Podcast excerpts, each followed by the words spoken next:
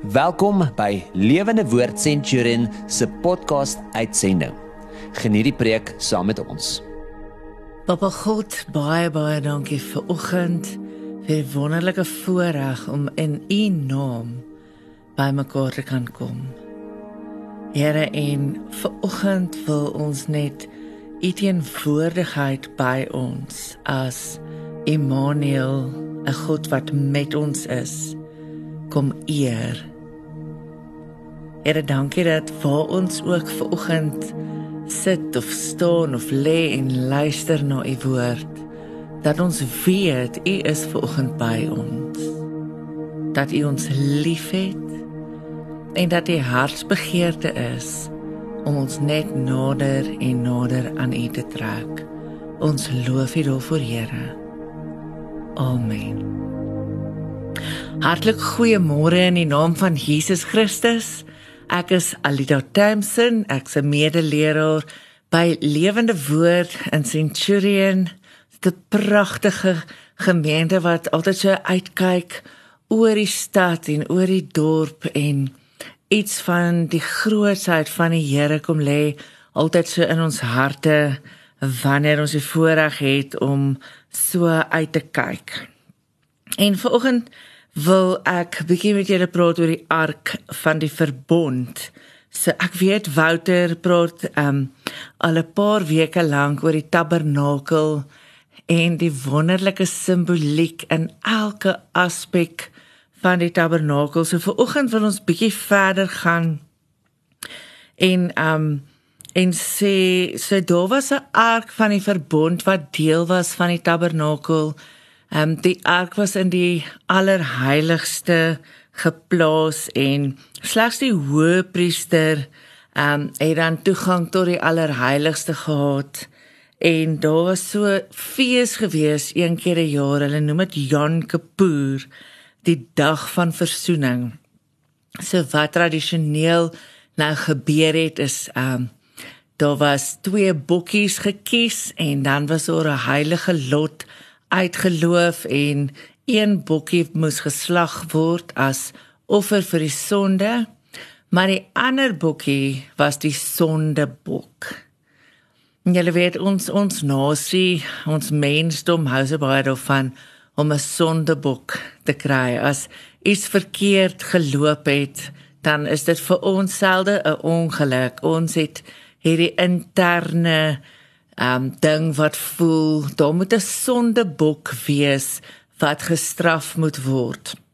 So een keer 'n jaar het die Israeliete 'n sondebok gehad en hulle het dan simbolies eintlik um hulle sondes aan die bokkie kom vasmaak op hom kom lê en dan is hy in die woestyn ingevat deur iemand en daai persoon as hy teruggekom het moes sy klere uittrek buite die kamp en homself dan reinig voordat hy kon terugkom in die kamp as teken dat hy nou sonder enige van die sonde wat op die sondebok uitgestuur is terugkom in die kamp in.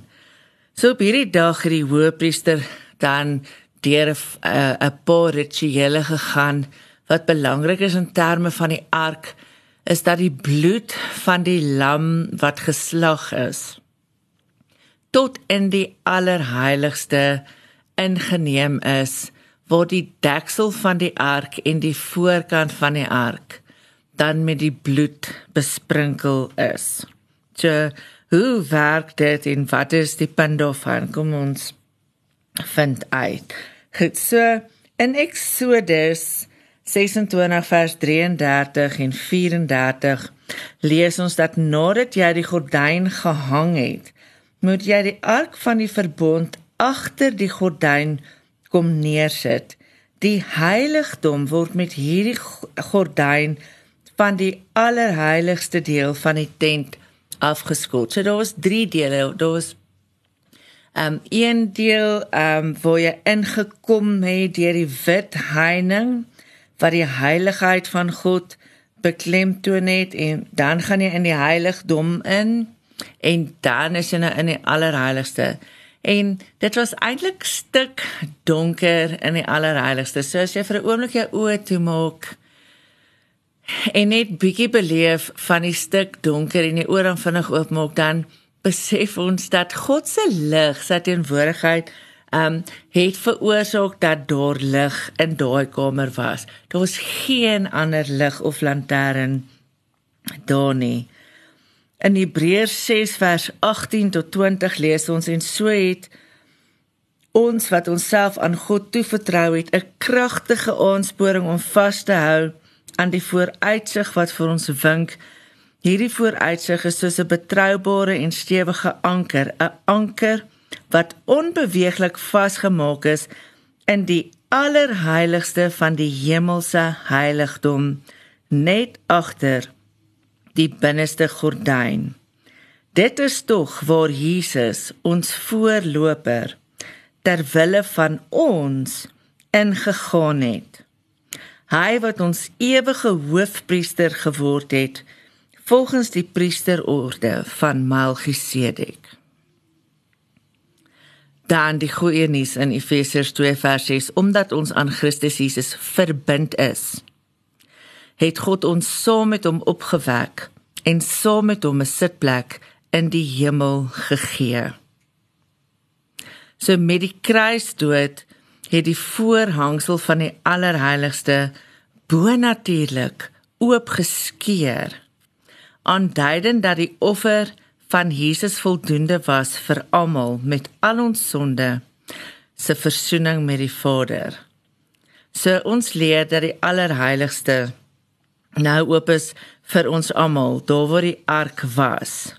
So so so kom ons kyk na die ark. So die goeie nuus is dat ons nie soos die Israeliete hoef te wag dat 'n hoëpriester namens ons een keer 'n jaar 'n bok moet slag in die allerheiligste moet ingaan, die bloed daar besprinkel en dat ons dan eers gereinig is van ons sonde vir 'n jaar lank nie ons het nie daai beperking dat die allerheiligste daar word die die ark van die verbond wat eintlik verteenwoordigend is van God se liefde vir ons.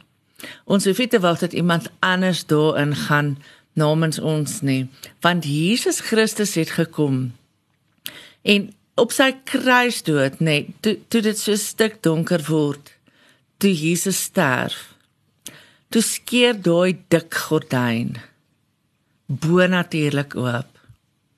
En vandag weet ek en jy dat ons in onsself toegang tot God het. So ons het nodig om vandag te begin besef dat ons kan nie meer ons vertroue in 'n dominee of 'n pastoor of 'n diaken of 'n ouderling sit om namens ons met God te praat of namens ons by God te gaan hoor wat die plan vir ons lewe moet wees nie. Ons het nou die vryheid, die toegang danksy Jesus Christus. En onthou daar was daar was 3 deure um of 3 plekke van buite in die woestyn af tot binne in die allerheiligste. En Derek Prins verduidelik dit so. Hy sê die die eerste ingang wat ook van die blou en die rooi en die perslap gemaak is. Um behalwe dat dit Jesus verteenwoordig, verteenwoordig dit ook Jesus se kruisiging. Tweede ingang na die plek van ontmoeting verteenwoordig Jesus se opstanding uit die dood. En die derde ingang, die een na die allerheiligste, verteenwoordig Jesus se opvaar na die hemel. Um, en en dit is hoekom ons vashou aan Efesiërs 2 vers 6 wat sê want ons is aan Christus verbind. Ons is saam met hom opgewek. En dus het ons saam met hom 'n sitplek in die hemel. Kom ons kyk na die ark self, ehm um, van daar sulke pragtige simboliek in die ark. So kom ons herinner mekaar dat Moses was vir 40 dae op die berg Sinai en daar is hy aangestel um, om die tabernakel te bou en ook om hierdie ark te bou waarin God met sy teenwoordigheid saam met sy volk kom bly. En elke keer roer dit my hart om te besef dat ander gode is territoriaal. Hulle bly in spesifieke areas en hulle verwag van hulle volgelinge om na hulle toe te kom. Ons God, ons God van liefde, kom ontmoet ons waar ons is. So vir verskeie redes is sy volk in die woestyn as gevolg van rebellie en ongehoorsaamheid en 'n paar ander goed. En steeds kom hy en hy sê ek wil by julle woon. God se hart altyd is om by ons te wees en hy kom altyd en wys selfs deur Jesus wat afgekom het van die hemel af aarde toe sien ons dat ons 'n God dien wat by en met ons wil wees. So terwyl Moses op die berg is, het hy baie spesifieke instruksies gekry vir die tabernakel en vir die ark en ons lees in Eksodus 36 vers 1 dat Besaleel die man was wat aangestel is en Oholiab is aangestel om hom te help en dan is daar nog 'n paar ander mense wat van wat vir hulle gehelp het. So interessant, die ark self is van akasia hout gemaak.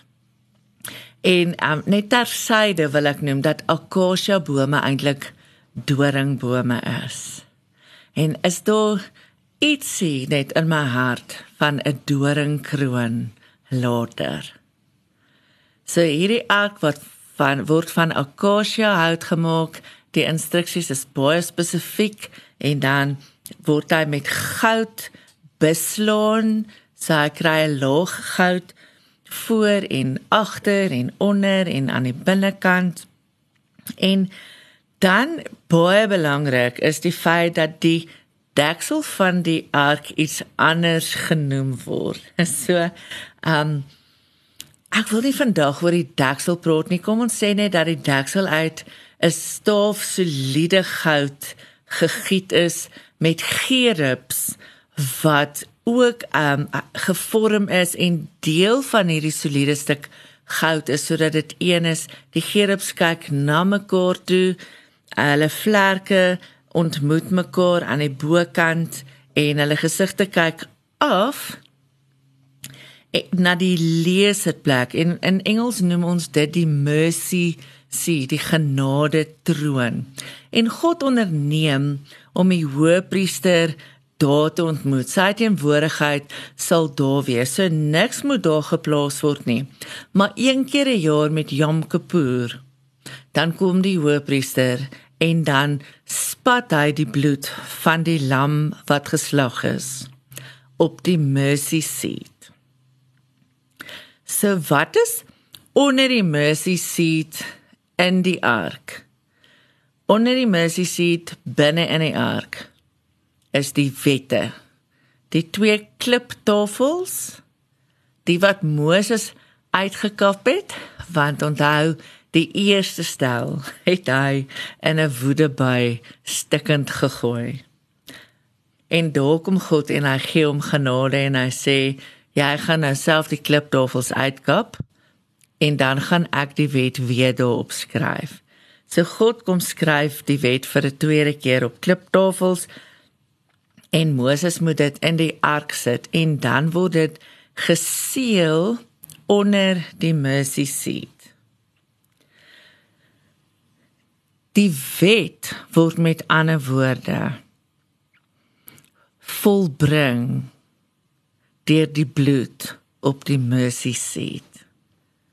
En so ook ek en jy wat eintlik onder die wet moet wees as ons dan in Jesus Christus is soos die wet in die ark dan kom die bloed van die lam wat Jesus is oor ons. En wanneer God die Vader dan na ons kyk in sy soeke na regverdigheid dan sien hy die bloed van Jesus en nie ons sonde nie. Wat 'n goeie nuus is dit nie vir my en vir jou nie. Wat is nog um, in die ark? In Johannes 6 vers 32 tot 33 lees ons um van brood, van die brood van die lewe. En een van die goed wat in die ark in geplaas moes gewees het was manna. Julle onthou dit was manna, die manna was elke oggend, dit was soos die brood wat elke oggend bo natuurlik in die woestyn verskyn het en elke gesin moes vat net wat hulle nodig gehad het vir die dag. So hier en daar tipies mens was iemand ongehoorsaam en dan het hulle meer gevat en dan sê die woord van God het al wurms ingekom en dit was oneetbaar die volgende dag. So slegs Saterdag of sleg nou ons Saterdag nê, die dag voor die Sabbat was die dag wat hulle 'n dubbel porsie kon skep. En daai dag het die manna vir 'n dag vars gebly omdat hulle dan nie op die Sondag manna moes bymekaar maak nie. So wat ons weet is dat manna vergaan, maar God sê sit 'n pot manna by die ark sodat die volk kan onthou van my bonatuurlike voorsiening. So waarna verwys hierdie manna? Kom ons lees Johannes 6 vers 32 en 33. Jesus het hulle daarop geantwoord: Ek verseker julle Dis nie Moses wat aan julle die brood uit die hemel gegee het nie, maar my Vader. En dit is hy wat nou aan julle die ware brood uit die hemel gee. Die brood van God is hy wat uit die hemel kom en aan die mense kind lewe gee. Johannes 6 vers 49 tot 51 sê: "Julle voorvaders het in die woestyn manna geëet en tog gesterf. Hierdie is die brood wat uit die hemel gekom het, sodat iemand daarvan kan eet en nie sterf nie. Ek is die brood wat lewe gee, wat uit die hemel gekom het. As iemand van hierdie brood eet, sal hy vir altyd lewe.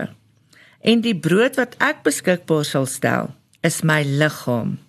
Dit doen ek ter wille daarvan dat die wêreld kan lewe. So ons sien die eerste element in die ark is die wet en dan die volbringing van die wet wat Jesus Christus is. Die tweede aspek by die ark wat ons sien is die manna En die manna verwys profeties daar na Jesus Christus wat vir ons die brood van die lewe word. Dan interessant is daar 'n derde element by die ark. En dit is Aaron se staf. So hier is die storie. Die Israeliete het in rebellie opgestaan teen die leierskap en dan veral die priesterskap van Aaron. In Numeri 17 lees ons dat Moses instruksie gekry het om die stam se priester se staf almal bymekaar te maak. So hy het 12 stawwe gevat. En dit ehm um, en dan sê die woord Moses sê die stokke in die tabernakel voor die Here gaan neersit. En toe Moses die volgende dag in die tabernakel ingaan, kry hy Aaron se stok wat die stam Lewi verteenwoordig vol bloeisels. Laat mooi, dit het gebot en uitgeloop en amandeltjies aangehad. Dit was 'n teken dat God vir Aaron en die stam van Levi aanwys om die priesters te wees. Wat interessant is is dat die die staf van Aaron 'n dooie stuk hout was. Hy het nie wortels gehad nie. Hy was nêrens ingeplant nie. Hy het nie water gekry nie. Hy het nie grond gehad om voeding uit te tap nie. Dit was 'n dooie stuk hout. maar is in die allerhoogste gaan neerlê. En in die allerhoogste, in die teenwoordigheid van God, het hy gebod gebloei soos in bloeisels gedra en vrug gedra. Hy was gelyktydig in elke vorm van lewe. Wanneer ek dink aan die allerhoogste, daai vierkantige donker kamertjie in die tabernakel.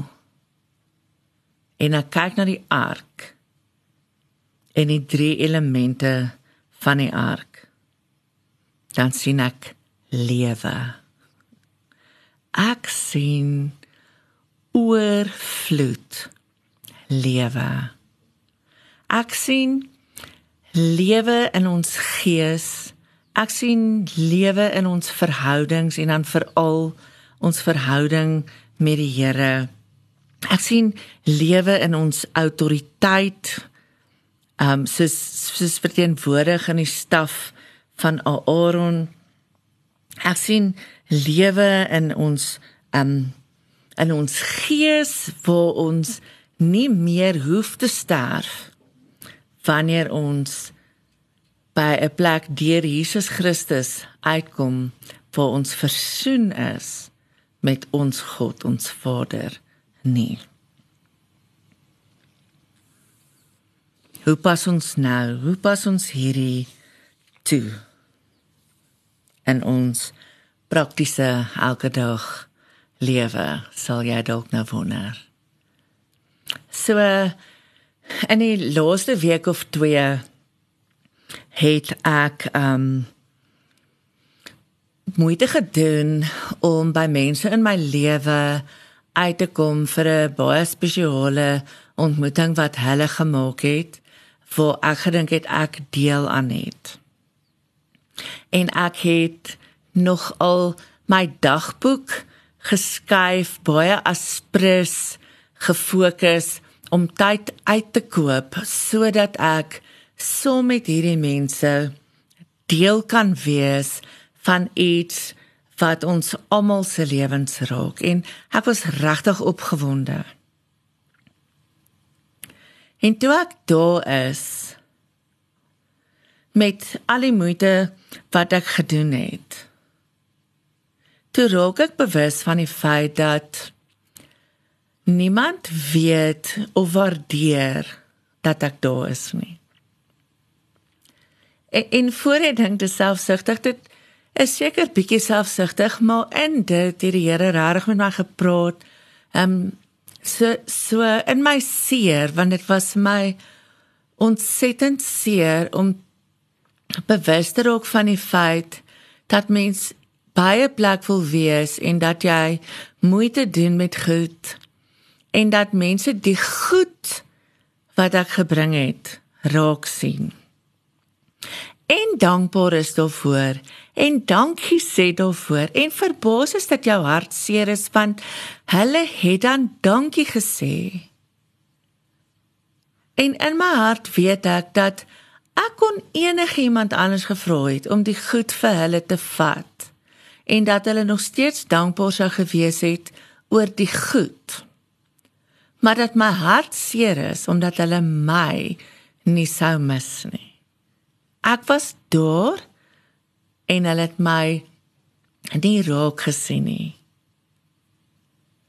En hier is die boodskap toe ek met my baie seer hartjie by die Here gaan sit het en gesê het: Here, te sê die Heilige Gees vir my.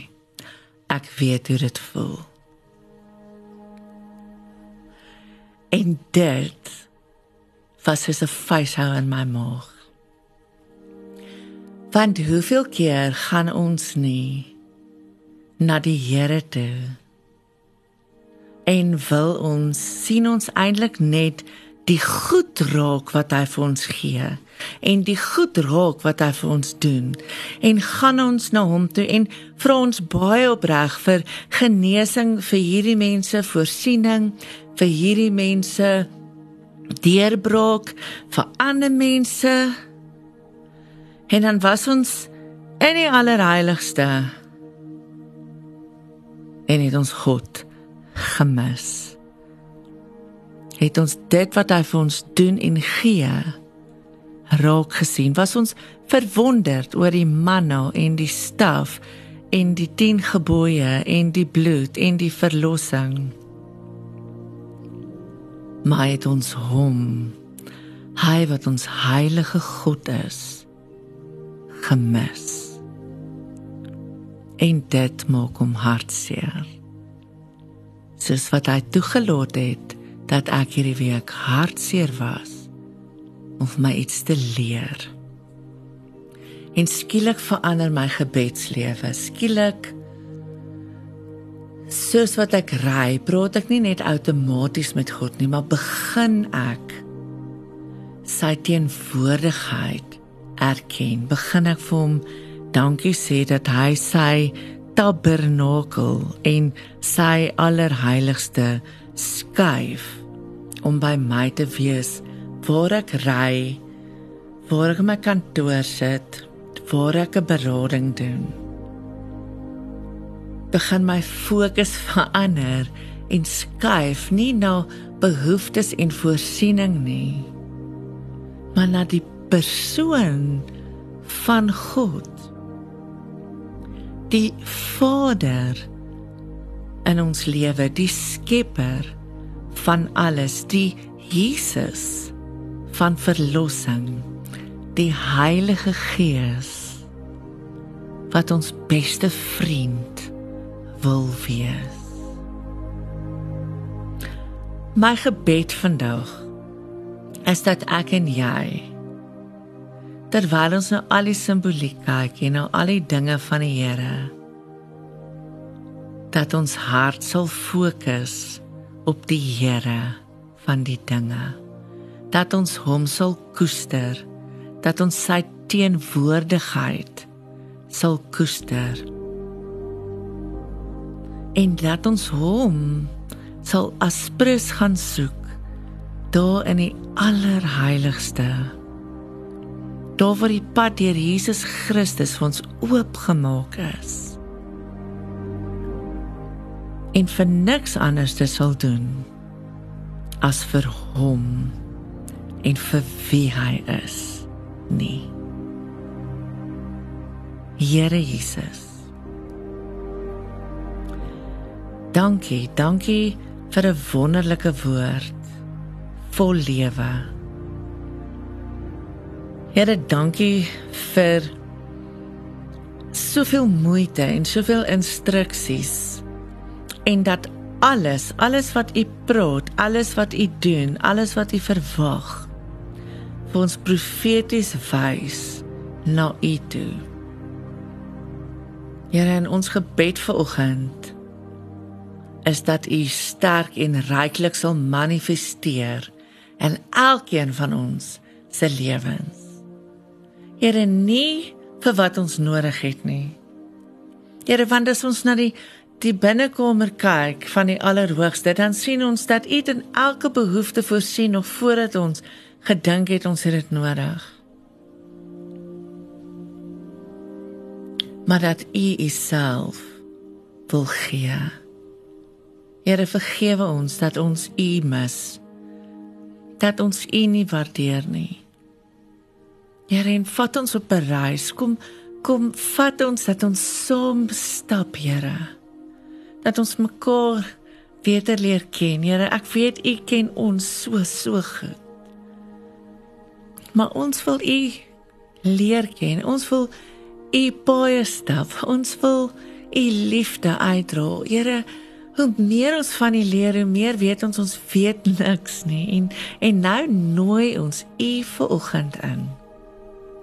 En kom vra, kom leer ons van wie u is. Nou dat ons deur Jesus by u kan en mag wees. Kies ons om by u te wees.